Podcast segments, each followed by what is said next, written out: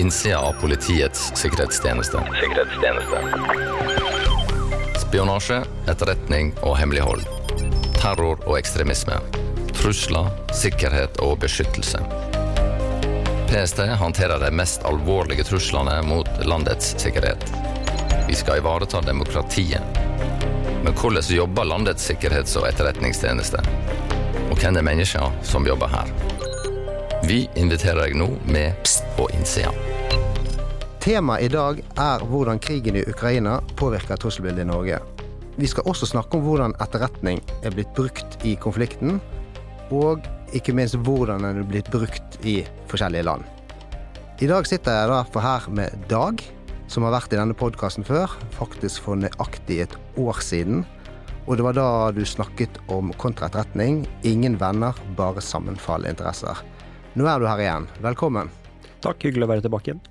Jeg heter Marte Mensen. Dette er Pst på innsiden av PC. Et hovedmål for russerne det er slik britisk etterretning omtaler byen Mariupol sørøst i Ukraina. Det er pga. beliggenheten til byen, som vil kunne gi Russland en korridor fra Russland og inn til det okkuperte området på Krim, ifølge etterretningen. Det snakkes om et paradigmeskifte i etterretning, Dag. Jeg har både lest det i media, og du har også nevnt det til meg når vi forberedte denne episoden. Hva tenker du på da? Eh, det jeg tenker på, er jo rollen vestlig etterretning hadde eh, som varsler eh, og som rådgiver til vestlige beslutningstakere forut for den russiske invasjonen eh, av Ukraina 24.2. Eh, så vidt meg bekjent, så har det ikke vært kommunisert så tydelig eh, historisk om et annet lands intensjoner og planer hvor argumentasjonen var fundert og ble faktisk Man sa jo eh, direkte at disse vurderingene som vestlige politikere eh, kringkasta og, og advarte eh, Russland om, eh, at de var fundert på etterretning. Eh, man ga, sa altså at direkte, eh, direkte, at våre vurderinger er basert på etterretningsarbeid, etterretningsprodukter. Og, og vestlige politikere eh, var jo da overbevist om at Russland hadde både kapasitet og intensjon om å invadere Ukraina. Som ble kommunisert til Russland og til Putin med klar beskjed om at en sånn handlemåte ville få alvorlige konsekvenser. Eh, det var på en måte mange nytt for min del, å se hvordan etterretning ble brukt eh, på den måten. Og Det er jo der det ordet paradigmeskifte eh, har sin, sitt fundament, for å si det sånn. Ja, det er, jo, det, det er, jo, et veldig sterkt ord, selvfølgelig, paradigmeskifte, så man skal selvfølgelig være forsiktig med å bruke det. Og jeg tenker jo, sånn Tradisjonelt sett så er jo etterretning noe som foregår i, si, i de hemmelige rom, og det deles ikke med hvem som helst. Ofte er det vel slik at uh, det er kanskje et land bare beholder etterretningen for seg selv, eller de eventuelt deler det med partnerne sine. Men i dette tilfellet så, uh, så ble det jo så mye offentliggjort i media og på ulike Twitter-kontoer som var jeg, autoriserte etterretningsorganisasjoner som sto bak, og uh, hvor omtrent kunne om nesten på klokkeslett forutsi når Russland kom til å invadere Ukraina. Ja, og det som oppfattes som nytt i denne konflikten, eller det som skjedde forut da, for 24.2, eh, var jo akkurat det som du er inne på der, ved at eh, etterretning på en måte, kan du si, trer fram fra the dark side of government, eh, som noen, noen hevder, og blir mer lights in state. Altså man opplyser verden på en måte om hva som man da mener er Russlands intensjoner. Kapasiteten kunne man avdekke, men faren er jo at ved man ved at man viser kortene sine på den måten, så kan man jo potensielt avsløre metoder. Man kan avsløre metodikk, man kan avsløre egen kapasitet, eh, og på en måte vise motparten hva en faktisk vet. Og Historisk sett så har jo det ofte vært holdt mer i lukka rom, og vært mer en sånn, ja, ikke skjult agenda, men ikke offentliggjort da, på den måten man så forut for, uh, for 24. februar, uh, som er på en måte nytt, slik som jeg oppfatter det. Eh, men hvor også man viser hvor viktig eh, rollen til etterretningstjenester er eh, i, i, Vesten spesielt, da. hvor beslutningstakere kunne med ganske stor grad av sikkerhet faktisk stå fram og advare Russland om negative konsekvenser for Russland, skulle de iverksette de planene som man da mente var der. Nettopp. Eh, Fins det noen historiske paralleller å trekke her? I forhold til hvordan etterretning har blitt brukt offentlig, så er ikke jeg kjent med det. Men enhver etterretningsorganisasjon har jo som primærformål å advare om strategiske trusler mot det landet organisasjonen representerer og arbeider i. Og Det er jo en kjernefunksjon for enhver etterretningsorganisasjon. Eh, og eksempel CIA ble jo etablert nettopp for å eh, advare USA om kommende trusler mot, eh, mot nasjonen. Så funksjonen er jo ikke noe ny sånn sett. Eh, men bruken av etterretning er nytt, slik som jeg oppfatter det. Mm. Men uh, dette her, det handler jo om å spå, i, spå i fremtiden, selvfølgelig. Og så handler det jo om beslutningsstøtte, som du sier. Og så handler det også om hvilke land er det det er snakk om her. Kan du, kan du si noe om altså, Man iallfall vestlige land er jo demokratiske, demokratiske land, stort sett i større eller mindre grad. Og så har du en del land som er mer autoritære. Hvordan, kan du si noe om hvordan etterretning brukes der, i motsetning til, til Vesten? Er det en stor forskjell på hvordan f.eks. etterretning brukes i Russland, og hvordan det brukes i, i, i Europa, eksempel? Nå har vi snakka litt om Vesten og bruken der, og det, det som skjedde forut for 24. februar, tenker jeg er ganske illustrativt for eh, rollen etterretning har i Vesten, på et sånn grunnleggende plan. Eh, og Du nevnte Russland, og det er nærliggende å snakke om Russland i den krigen som nå pågår i, i Ukraina. og Min persepsjon er nok at etterretning i Russland har en helt annen rolle og funksjon enn i Vesten. Christopher Andrew, som er en nestor innenfor etterretningsverden, har jo påpekt at uh, rollen til etterretning og sikkerhetstjenester i autoritære regimer, eller totalitære regimer, er å opprettholde uh, regimets maktmonopol og på en måte eliminere fiender, og ikke minst gi et tilpassa bilde av verden utenfor som er i tråd med kanskje hva som er bestilt, da, eller hva som er forventa hos de øverste lederne i det landet. Og når det gjelder konflikten i Ukraina, så er min oppfatning at dette nok er tilfellet i Russland, eh, hvor etterretningsestimatene og de produktene som muligens ble levert da, til, eh, til, Putin og hans innerste krets, eh, var tilpassa produkter som nedvurderte ukrainsk motstandsvilje, nedvurderte betydninga til Zelenskyj, og kanskje eh, overoptimistiske predikater i forhold til hvordan russiske tropper ville bli mottatt eh, i Ukraina. Eh, og Da kan man snakke om etterretningssvikt, ved at etterretning i Russland har på en måte totalt feilvurdert situasjonen og feilvurdert konsekvensene, og også feilvurdert motstand de ville møte. Eh, men igjen, eh, historisk sett så er ikke dette noe eh, nytt i Russland, hvor også tidligere etterretningsstrukturer i Sovjetunionen og i Russland har også vært sterkt politiserte og arbeidet for å opprettholde, tjene regimet, ikke gi objektive vurderinger og objektive estimater eller analyser av mulige framtidsscenarioer. Og dette ble man jo også vitne til i, gjennom media og gjennom norske medier også, hvordan SVR-sjefen ble behandlet av Putin. Ja, Sergej Narysjin fikk jo, jeg vet ikke, stå i skolerett, holdt jeg på å si, for å bruke et norsk begrep, og ble jo åpenbart ydmyka og irettesatt av sjefen, som da Vladimir Putin. Uh, og som en del av etterretningsprofesjonen så synes jeg nesten litt synd på karen. Uh, og jeg tenker jo at SVR er jo den sivile russiske utenlandsetterretningstjenesten. De skal jo ideelt sett kunne fortelle uh, Kreml og Putin hva som foregår i Vesten gjennom ulovlige og lovlige metoder, og rapportere på det her. og jeg tenker vel kanskje at Narusjin muligens hadde sagt noe, eller gjort noe forut for det møtet da i det russiske sikkerhetsrådet som Putin ikke likte, og han måtte betale prisen ved å faktisk bli eh, ydmyka på den måten eh, som man fikk se i etterkant da via eh, offentlige og, og, sosiale medier. Og hele seansen var litt sånn, vet ikke, litt merkelig, og det er jo ikke sånn man skal behandle sin, en av sine viktigste støttespillere, og ikke minst en som definitivt skal kunne gi Putin gode råd og gode vurderinger av uh, hva man kunne forvente dersom man for eksempel gikk til invasjon. Eh, du har også snakket om en del andre historiske eksempler hvis du går tilbake til andre verdenskrig. Dette med at etterretningen skal, håper jeg, kanskje preges av frykt for hva som vil skje hvis La oss si at en etterretningssjef forteller sannheten til en statsleder.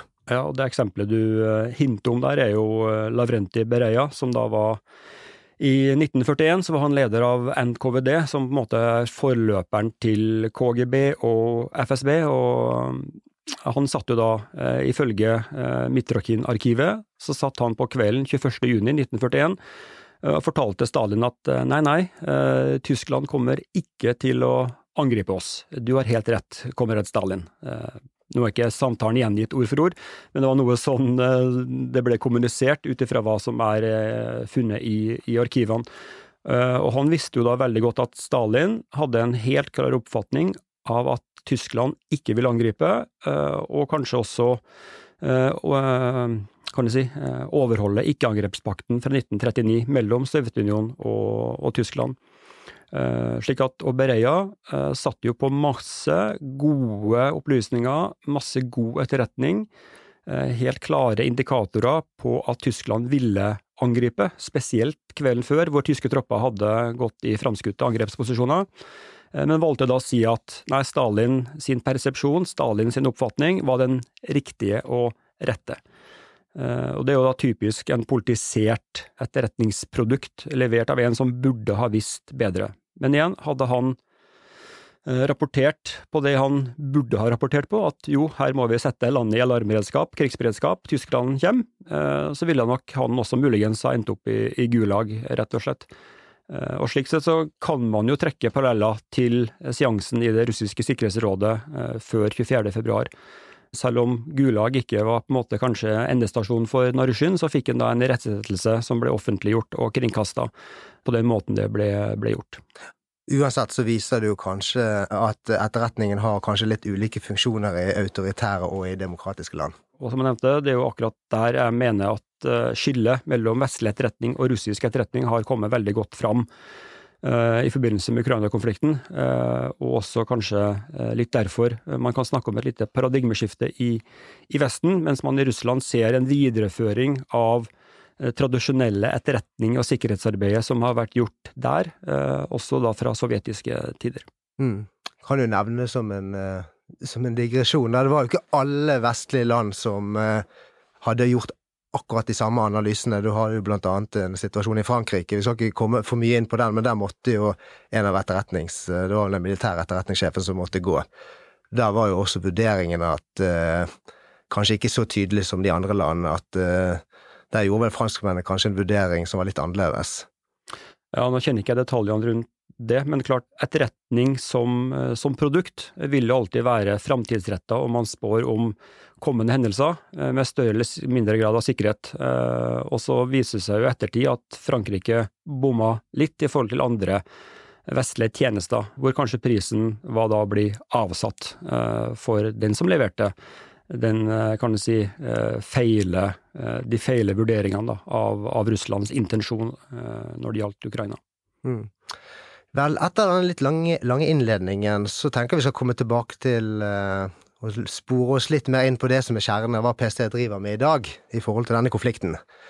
Og uh, vi har jo gått ut med en oppdatert uh, trusselvurdering for noen uker siden, hvor vi sier at vi må regne med en høyere etterretningstrussel fra Russland mot Norge i tiden som kommer. Ja, det er riktig, og det er en vurdering som jeg mener er helt på sin plass, for å si det sånn. Eh, før vi går over på hva PST gjør, eh, og litt hvordan vi jobber, så ønsker jeg også bare å poengtere at hva som foregår i Ukraina, rundt Ukraina, hva som foregår i Russland og med Vladimir Putin og hans intensjoner og planer, eh, så er jo det naturlig nok etterretningstjenesten sitt domene. Hva jeg er opptatt av, og hva PST jobber med, er jo hva som foregår i Norge, og hvilke trusler vi må håndtere innenfor vårt mandat. Men uh, poenget er at for å lykkes i krig, så må man forberede seg i, i fredstid.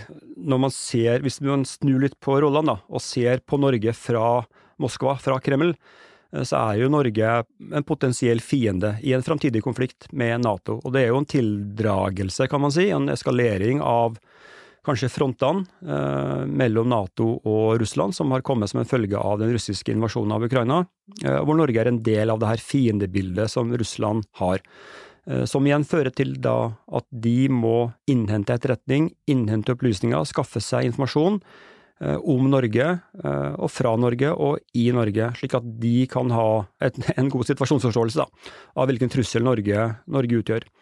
I tillegg så er jo Norge en leverandør av olje og gass, energi, til Europa. Potensielt så vil jo det forkludre russiske strategiske interesser, hvor Russland historisk sett har brukt gass som et mykt virkemiddel, eller sånn hybrid virkemiddel, for å bruke det, det begrepet, i sin måte å presse Europa og presse vestlige politikere til å gjøre sånn som de vil.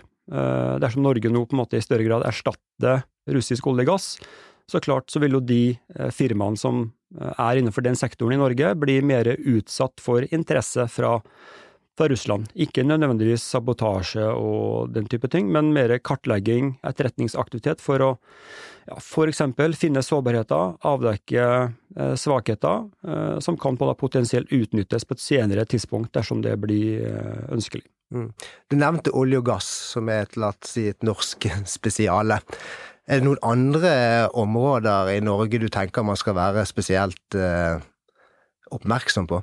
Vi har gjort et stykke arbeid som, og har analysert situasjonen ut fra vår forståelse, eh, og hvilken betydning da den nye verdenssituasjonen har for Norge. Og Da er det to sektorer. Eh, du nevnte én, olje- og gassektoren, og i tillegg så er det forsvarssektoren, som vi også har framhevd i våre, i våre vurderinger. Hvor norske våpen på en måte nå blir levert til Ukraina, det er dokumentert ved åpne kilder. Og Norge har et ganske høyteknologisk, ikke våpenprogram, men vi har mye gode våpen kapable våpen, eh, effektive våpen, eh, som forsyner eh, Nato, og som er en del av vår beredskap. Og som da selvsagt blir brukt mot russiske styrker i Ukraina.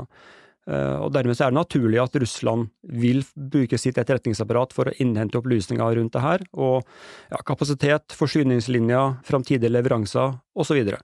så det er ikke noe unaturlig i den interessen fra Russlands side, men det gjør også at vi må kanskje være påpasselig i forhold til å verne om våre verdier, våre interesser. Og Da er forsvarssektoren på et sånn bredt anlagt område eh, utsatt, naturlig nok. Du sier vi. Hvem er vi? Eh, vi, da tenker egentlig på Norge eh, som nasjon, som land, og som en del av, eh, av Nato. Og har på, Vi har vært inne på olje, gass og forsvarsindustrien, men det er også andre ting som selvsagt gjør Norge interessant fra et russisk perspektiv, og det er jo grensa vi har i nord. Vi er Natos nordflanke. Vi har også etterretningsaktivitet fra Norge mot Russland, som gjør oss interessante. Og Norge er en del av Nato, som nevnte. Vi er i FNs sikkerhetsråd.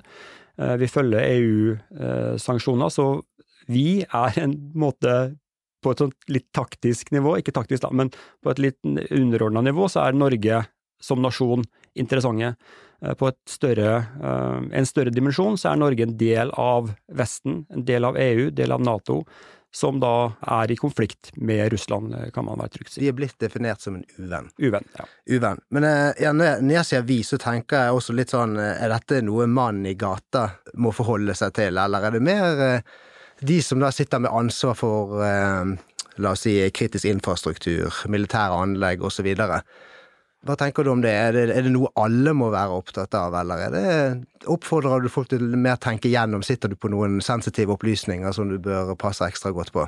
Det enkle svaret er vel ja og ja. Det er litt med opp mot hva PST gjør også. På et sånn overordna strategisk nivå så kommuniserer vi trusler ut til samfunnet. Eh, og denne Podkasten er jo et eksempel på det, eh, hvor to utsatte sektorer er nevnt. Eh, I tillegg så vil nok også alle politiske beslutningsprosesser i eh, Norge være aktuelle, eh, for eksempel i hvilken grad Norge vil fasilitere og støtte en mulig finsk og svensk søknad til Nato. Det er relevant. Så på et overordna nivå så er det mange sektorer som er interessante. Og så kan man bryte det ned til enkelte virksomheter, enkelte organisasjoner, enkelte funksjoner, som tenker da grunnleggende nasjonale interesser og grunnleggende nasjonale funksjoner, som er aktuelle.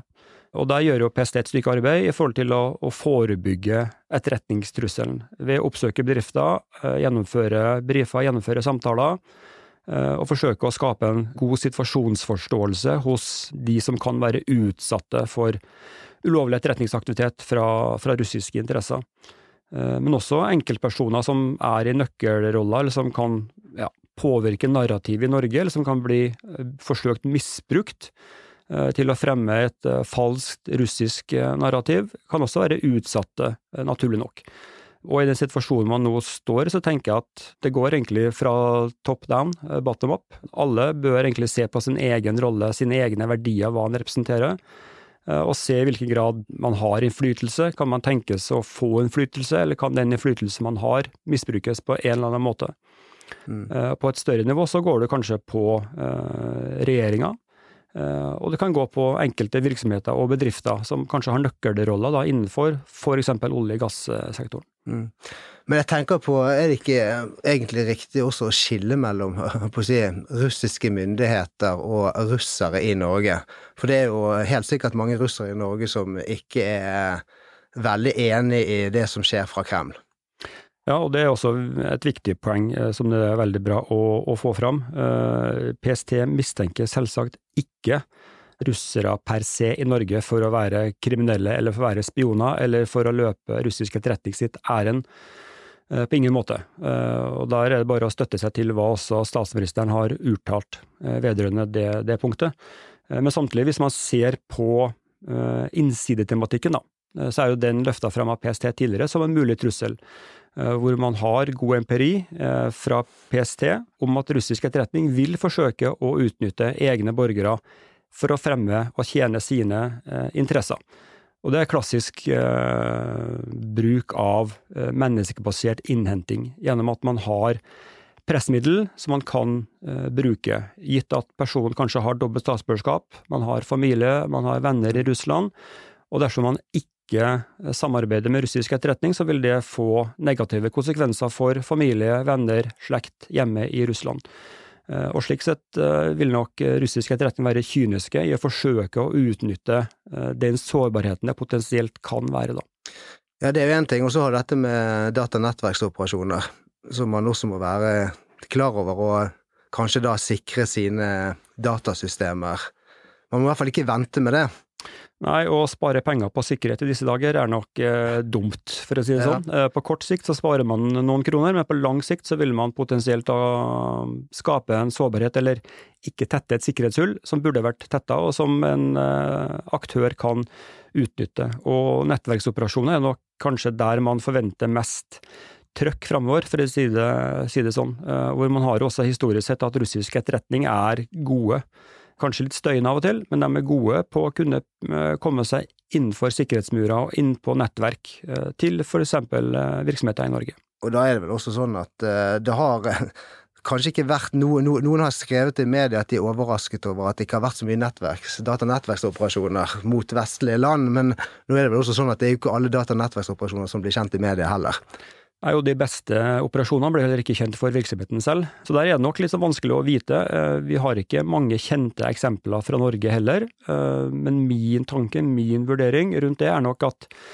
russisk etterretning er nok også litt mer opptatt andre steder enn i Norge, kanskje. Eh, slik at mangelen på liksom dokumenterte hendelser er nok mer en mangel på kapasitet framfor mangel på intensjon, hvor vi kan se et lite skifte framover, muligens. Eh, men når det er sagt, så har vi også noen indikatorer på aktivitet i Norge eh, forut for 24. februar, som kan være eh, tegn på rekognosering, altså kartlegging av mulige mål. Og slik sett har vi jo også eksempler hvor det har vært dokumentert penetrering av institusjoner i Norge, som attribueres i større eller mindre grad til russiske aktører, uten at jeg kan gå inn på detaljene på akkurat det punktet. Neida, og når det kommer til digital sikkerhet, så har man jo NSM i Norge, Nasjonal sikkerhetsmyndighet, som har mange gode råd å gi til, iallfall til bedrifter. Både små, mellomstore og store bedrifter. Ja, det er helt riktig. Og gjennom uh, Nasjonal cybersikkerhetssenter så driver NSM også utstrakt forebyggende aktivitet, og har også masse råd og veiledere i forhold til hvordan man kan sikre digital, sin egen digitale infrastruktur. Da. Mm. Så det er også et veldig viktig, viktig poeng å få fram. Hvis vi skal snart uh, gå inn for landing her, og kanskje løfte blikket litt At vi har da hatt en uh, Altså kontraetterretningsarbeid er jo noe vi, uh, vi, driver med hele tiden, og det kan argumenteres for at det er kanskje det mest stabile en sikkerhetstjeneste driver med. Det vil alltid være aktuelt, og vi sa jo innledningsvis at det har, det har skjedd mye siden du var her i studio forrige gang. Hva, hva tenker du fremover, da, i et sånn halvlangt perspektiv? Vanskelig å spå om framtida. Jeg tror nok at den russ, trusselen fra russisk etterretning vil nok vedvare og være kanskje mer potent framover, dersom man ikke får en deskalering og en fredelig løsning på, på krigen i Ukraina som virkelig har skjerpa egentlig de gamle konfliktlinjene fra den kalde krigen. Uh, og så tror jeg også kanskje at uh, etterretning har blitt mer kalles stuerent til en viss grad. Man har uh, fått fram veldig tydelig hvordan vestlig etterretning har på en fornuftig og god måte støtta vestlige beslutningstakere med gode råd, som har gjort at man kan håndtere en vanskelig situasjon på en bedre måte. Så det tror jeg kanskje er det viktigste lærdommen, hvis man kan si det sånn. Og så er det viktig, som du er inne på, at kontraetterretningsarbeid er ikke kortvarige greier. Det er de lange linjene som er, eh, som er viktige, og så må man kjenne motstanderen, eh, sånn som Sun Tzu eh, påpeker i, Art of War, og ha et bevisst forhold også til egen rolle. Og ikke minst for PST så tror jeg det er viktig at man ser på hvilke tiltak vi bør iverksette hva vi må gjøre for å forebygge da, det som vi mener er en alvorlig etterretningstrussel mot Norge og mot norske interesser. Jeg tror vi lar det være siste ord i denne sendingen. Takk for at du kom, Dag. Ser du noe, si noe. Men bruk sunn fornuft. Kontakt oss på pst.no.